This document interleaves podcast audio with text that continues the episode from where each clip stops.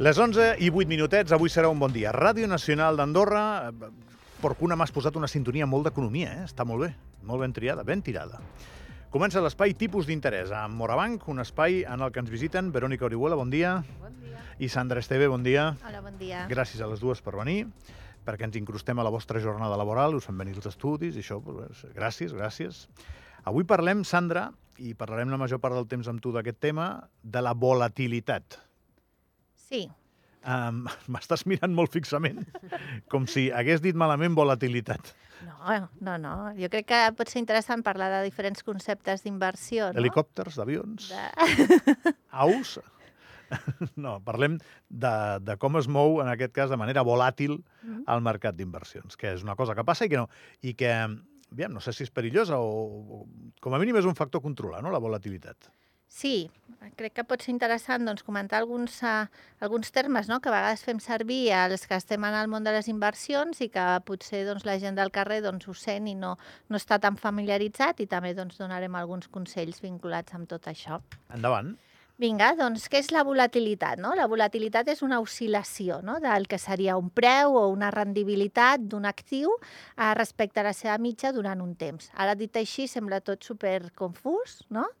Uh, intentaré posar un exemple. No? Per exemple, tenim una acció A que mm, el que fa, doncs, posem un patró eh, que habitualment doncs, puja un 3% i torna a 0 i baixa un 3% i torna a 0 i això ho va repetint aquest patró durant un període de temps. No? Direm que aquesta acció A té una volatilitat del 3%. No?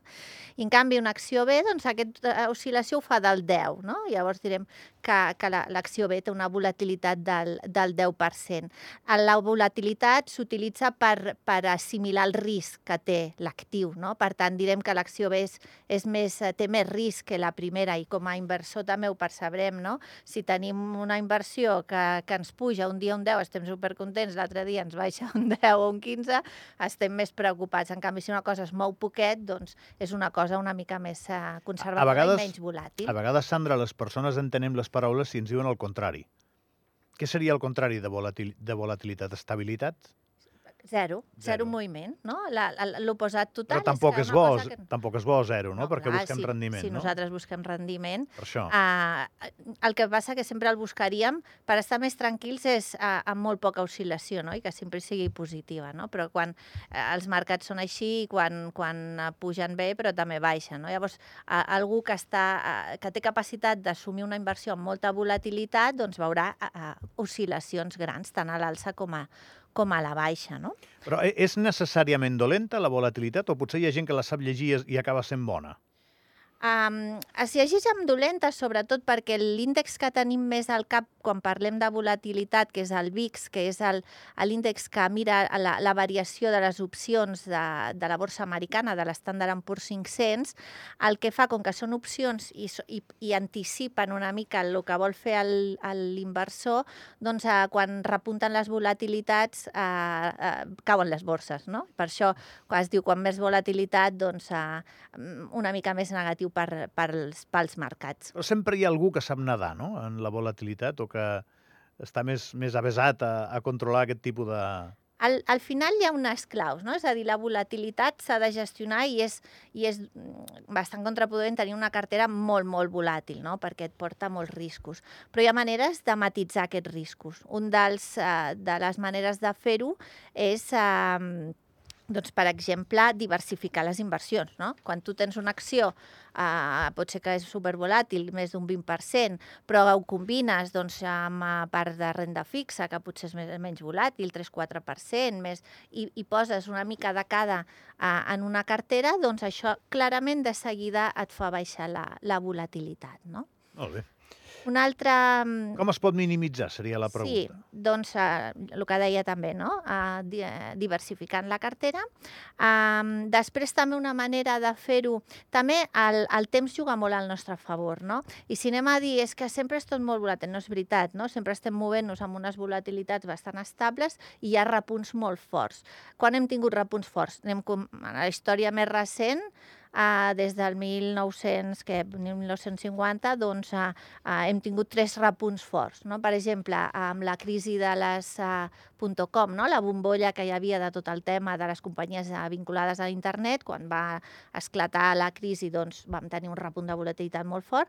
Ho vam tenir amb la crisi de Lehman Brothers el 2000 8 i, i ho hem tingut amb la crisi del Covid. És realment repunts molt forts de volatilitat. Si no, sempre estem amb una volatilitat que, a més a més, com més temps estem, doncs més uh, moderada està. No? Mira, no, no m'hagués esperat, ajuda. no m'hagués esperat, Sandra, que m'equiparessis la del Covid amb la de Lehman Brothers. Perquè la Doncs del Covid es- semblava està com... bastant- Té, té una accidentalitat, no? És una pandèmia i l'altre va ser uh, una gran crisi, però fruit de l'acció de l'home. Uh, Totalment, i la volatilitat va ser major per la crisi de Lehman Brothers, Ahà. però, uh, de, però, però amb, amb, jo recordo, no?, amb, amb la crisi del Covid uh, vam tenir dies que baixava el, el mercat a més de 10%, 20%, coses que no, no, en el dia a dia no estem acostumats a, a veure, i va ser un repunt molt fort, sí. bueno, I el- amb vosaltres aprenc. sí. I volia comentar a nivell de, no, una mica una dita, no? Com, com he dit, com més temps estem en el mercat, doncs més eh, tenim una volatilitat més moderada. Eh, hi ha un gran economista britànic, que és el Benjamin Graham, que és del, del 1900, però que és el pare una mica de les inversions, de valor, etc, que ell deia que, que el mercat a curt termini era esquizofrènic, no? I que mm, a llarg termini recuperava una mica la raó, no? Això què vol dir? Que a curt termini pots tenir unes oscil·lacions molt fortes, però al final, si et mantens invertit a llarg, doncs eh, matitzes molt a, a aquest efecte, no? Molt bé. Penseu que sempre que em vingueu a veure, alguna pregunta així fora del guió us faré. Segur. Va bé, no? Segur. Um, L'economia és el resultat o la conseqüència d'un magma eh, polític, humà, social, eh, mediambiental. L'economia, al final, és eh, com una espècie de, de, de delta en el que hi van a parar tots aquests afluents, no? I aquesta setmana, bueno, aquests dies, més que aquesta setmana, hem vist el que ha passat a Israel. Hem vist el tema eh, Hamas, Iran, perquè tothom posa Iran eh, pel mig, i crec que si tothom els posa serà que és veritat. Eh, Estats Units, la OTAN, eh, què, què dirà Putin d'això també, no? Tots estem pendents. Això en els mercats, Verònica, vaig per tu, què? Hi Passa alguna cosa? És a dir, tu notes, no sé si dir-li volatilitat o... Els vaivents, no? Sí. Sí, és cert. Hem tingut eh, obertura dels mercats ahir, després del cap de setmana amb les fortes incidències que hi ha hagut del conflicte bèl·lic, hem vist que els mercats van obrir en negatiu, els mercats europeus, amb les pors de lo que pot implicar aquesta, aqu aquesta acció humana, com dius, i vam veure també un efecte directe amb el preu del petroli donat que eh, es produeix en una zona d'alta producció de, de cru i això va tenir una implicació forta d'un repunt dels preus que van pujar quasi un 4%, bueno, quasi no, van superar el 4% amb la referència europea, amb el Brent, i això té un efecte directe amb l'economia. Si el petroli puja, els costos de les empreses pugen, els costos energètics, puja la, la temida inflació i, per tant, l'acció la, dels bancs centrals europeus també aniran en línia per poder frenar aquesta inflació. I ahir vam veure eh, que les borses, eh, les borses europees queien i, per contra, els bons governamentals que es consideren eh, actius refugi, com, com és el bo, el bo alemany a 10 anys, eh, desfeia part del repunt de tipus d'interès que havia tingut la setmana passada i, i, feia de refugi. La gent, quan té por, busca allò que, que el protegeix. I com diu la Sandra, si les borses es consideren de més risc, de més volatilitat, la renda fixa als països me, més cor, com és Alemanya, es considera de protecció. I llavors vam veure que aquí la gent va a, a anar a comprar bons... Tan ràpid va això? És a dir, en un dilluns ja, just ha passat la crisi bèl·lica, ja passa això? Ja, ja veus que va anar pels bons alemanys? Sí, perquè al final el mercat anticipa molt, no? I al final eh, aquí el risc és que aquest eh, conflicte potser doncs, duri en el temps, s'hi afegeixin països. Eh, tot això ho contempla el mercat, les possibilitats són, són molt, molt àmplies. No? Uh, llavors, el primer impacte que diu és que tindré pujada el preu del petroli, tornarem a estar afectats. Uh, després també doncs, uh, què fa de divisa refugi el dòlar, també és una, una divisa que ahir es va, es va apreciar, estem al voltant de l'1,05 uh, dòlars per euro, doncs això torna, torna a fer. I un altre actiu a refugi, per exemple, l'or. L'or que havia estat les últimes setmanes o mesos bastant baix, doncs ahir també va, va repuntar. És una mica els actius reflexa, no? que quan dius la cosa no ho tinc clar, l'inversor per això us ho he preguntat. Va, va cap allà. Saps qui creieu, qui creieu no, saps qui crec que ahir va tenir un mal dia o que està tenint uns mals dies? Zelensky. Perquè tothom mirava el seu conflicte i li donava la portada dels conflictes bèl·lics del nostre entorn d'influència i, com has dit tu molt bé, Sandra, a veure què passarà amb aquest. I, I en el moment en què conviuen, som així de, de, de bàsics, eh?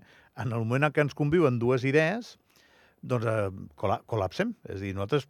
Hi ha una guerra a Ucraïna. Ostres, quina pena, no sé què. Ah, n'hi ha dues. Buf, no tenim tanta pena, la gent per repartir. Eh, som així de, de bàsics, eh? I, bueno, no sé quina influència tindrà això en l'economia i, i tal. Em volies explicar, eh, Verònica, una mica com estan els mercats. No sé si amb la meva pregunta ja t'he destrossat el que no, m'anaves a dir. No, no, perquè veníem a parlar d'actualitat, no? I això és actualitat. Correcte. Però, bueno, una mica us veníem abans a explicar una mica què, què havia passat les darreres setmanes, perquè això que em preguntava és recent, és un moviment que vam tenir ahir, però vam tenir, les, des de fa dos, dues setmanes que van venir, els, els mercats s'han mogut i hem tingut volatilitat, com deia la Sandra. Hem vist que les borses, la renda variable, eh, Europa ha caigut, ha tingut dubtes de, de cap a on aniria, donades les dades més febles de, de l'economia de l'eurozona, i llavors això ha implicat caigudes a les borses i a la part uh, d'Estats Units s'ha mantingut lleugerament més positiu en aquest sentit. I què ens ha portat abans d'aquest conflicte? Què és el que ha mogut als mercats en general? I hem tingut dos, dos dades claus. Eh, ja l'últim cop que van venir van parlar dels bancs centrals europeus i les seves actuacions. Eh, en aquests 15 dies no hem tingut actuacions, però sí hem tingut diàlegs de diferents membres dels bancs centrals. I això que implica? Que a part de les actuacions, i com ens deia la Sandra, les expectatives de lo que passarà es centra molt en tot el, el diàleg que, o la, la, els comentaris que fan els diferents membres. I això ens portaria a que probablement els tipus, eh, els bancs centrals estan indicant que els tipus d'interès es mantindran en nivells elevats.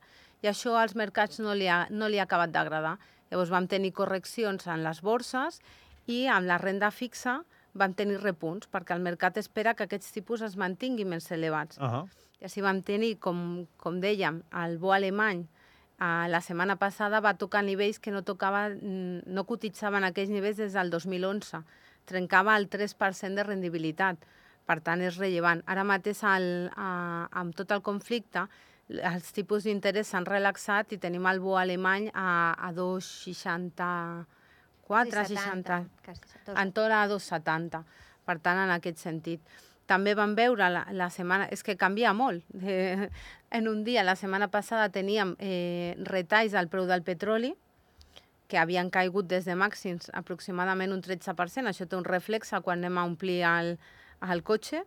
Eh, però aquesta setmana a part d'aquestes baixades del preu que podríem implicar, no sé si el, el consumidor ha arribat a veure aquesta baixada de preu, que ja tornem a tenir pujades i, per tant, eh, s'haurà de veure una mica tot.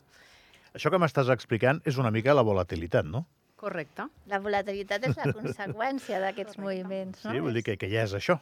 Correcte, correcte. Alguna cosa he après avui, eh? Sí, és molt bé, molt bé. Què més, Verònica? Tens algun punt més? Sí, només tenia un punt que ah, us parlava de, de lo que seria les borses, el que seria la renda fixa a través dels bons, però també tot, tot aquest context té un, una implicació amb la divisa. La Sandra ens deia, el dòlar eh, com a divisa refugi s'ha enfortit i se situa a nivells de 1,05. Us volia explicar una mica a l'1,05 què, què és, el, eh, que una divisa estigui a 1,05 o a un 1,10 o a 1,15. Eh, implica que per cada euro que ens doni, que tenim ara, si anem a una caixa, a, un banc a canviar, ens donaran un dòlar i 5 centaus. I per tant, què implica que ara estigui a 1,05 i fa dues setmanes estava a 1,10? pues implica que si anem de viatge als Estats Units, la nostra estància ara a 1,05 als, als Estats Units serà més cara, perquè ens donen més, menys dòlars per cada euro que tenim a la butxaca. Per tant, per quan anem a viatjar, ens interessa que l'eurodòlar estigui, l'euro estigui més fort que, que el dòlar. Llavors, ara mateix estem en aquí. Quin és el canvi més bèstia que hem tingut respecte al dòlar, que recordeu? Bueno, la paritat i trencar-la, no? No estem acostumats i des de que va començar l'euro eh, l'hem vist poques vegades. Eh? I mol molta gent, molts inversors diuen és que espero la paritat, no és fàcil que arribi, no? Té, té implicacions, això diu, la, la Vero diu a nivell de viatjar, però té implicacions d'importacions, exportacions, no? Eh, eh, això fa menys competitiu a, a la zona euro, a l'euro, no? Tots els països que tenen l'euro. Per tant, no és, no és bo per, eh, dir, per, per ells, depèn del moviment que fa la, la divisa. No? Estic pensant que, mira, avui m'heu dit això per acabar i ahir mirant la televisió amb la dona pensàvem eh, en la situació d'Argentina. I ella va dir, pues, és un moment per anar a fer turisme a Argentina. Per la divisa, no? Això mateix. És- O sigui és- que a vegades la mirada d'un europeu també té a veure amb detalls com aquests. No? Eh, és un mal moment per anar als Estats Units, a no sé que et sobri la pasta, eh, perquè sempre és un bon moment per anar als Estats Units, no? però és, és un bon moment per anar a Argentina. Una altra cosa serà, com està Argentina ara mateix, si és un bon lloc per anar de, de turisme, doncs perquè hi ha molta inestabilitat, etc. No? Però el tema dels quartos, doncs eh, sí, la gent ens ho mirem, això. Amb divisa, totalment, sí. És un dels països que, que, que ha posat els tipus d'interès molt alts, té una, una divisa molt devaluada, també és un de, a nivell d'inversió, et diria, és un dels països amb més risc no? per invertir. I Però per això sí, per a punt- turisme es pot fer. I per això estan a punt de venir un munt d'argentins a Andorra amb lloc de treball assegurat i sense lloc de treball assegurat, com ja ens va passar l'any passat. l'hi- l'hivern passat. No us molesto més. Verònica, gràcies per venir. Gràcies per convidar-nos. Gràcies, Sandra, per venir. Eh? Gràcies. L'espai d'economia de Morabanc, tipus d'interès. De seguida eh, parlem d'un reportatge que avui s'estrena a Ràdio Televisió d'Andorra sobre salut mental, joves i consum de pornografia i l'espai de sèries, en sèrie i en broma, a mà a mata. Vinga.